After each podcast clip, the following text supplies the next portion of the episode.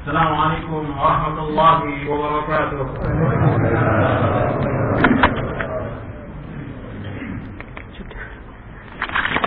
إن الحمد لله نحمده ونستعينه ونستغفره ونعوذ بالله من شرور أنفسنا ومن سيئات أعمالنا. من يهده الله فلا مضل له ومن يضلل فلا هادي له. أشهد أن لا إله إلا الله وحده لا شريك له. وأشهد أن محمدا عبده ورسوله. يا أيها الذين آمنوا اتقوا الله حق تقاته ولا تموتن إلا وأنتم مسلمون. يا أيها الناس اتقوا ربكم الذي خلقكم من نفس واحدة وخلق منها زوجها وبث منهما رجالا كثيرا ونساء. واتقوا الله الذي تساءلون به والأرحام إن الله كان عليكم رقيبا. يا أيها الذين آمنوا اتقوا الله وقولوا قولا سديدا يصلح لكم أعمالكم ويغفر لكم ذنوبكم ومن يطع الله ورسوله فقد فاز فوزا عظيما. أما بعد فإن أصدق الحديث كتاب الله وخير الهدي هدي محمد صلى الله عليه وعلى آله وسلم وشر الأمور محدثاتها وكل محدثة بدعة وكل بدعة ضلالة وكل ضلالة في النار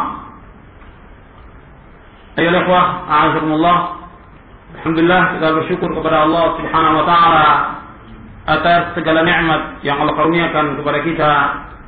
Nikmat iman, nikmat Islam, nikmat sehat, nikmat afiah.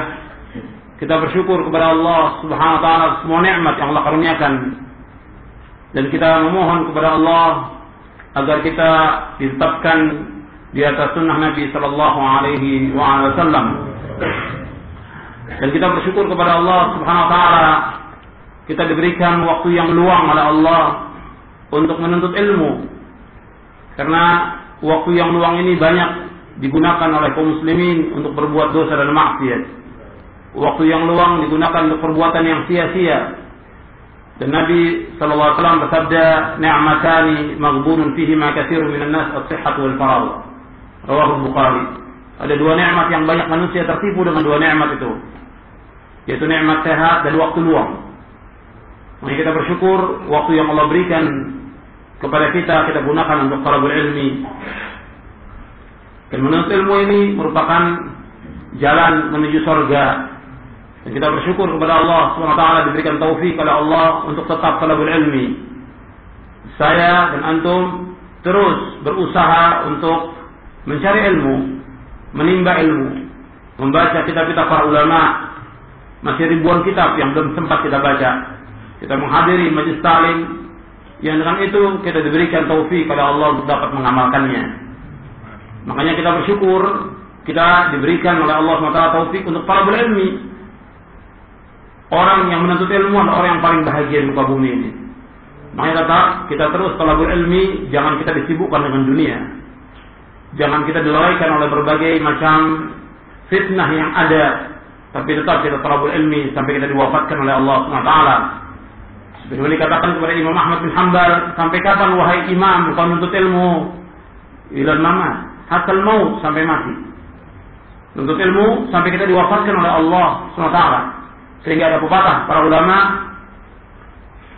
minal mihbara ilal maqbara dari belajar nulis dengan tinta itu sampai masuk ke liang kubur.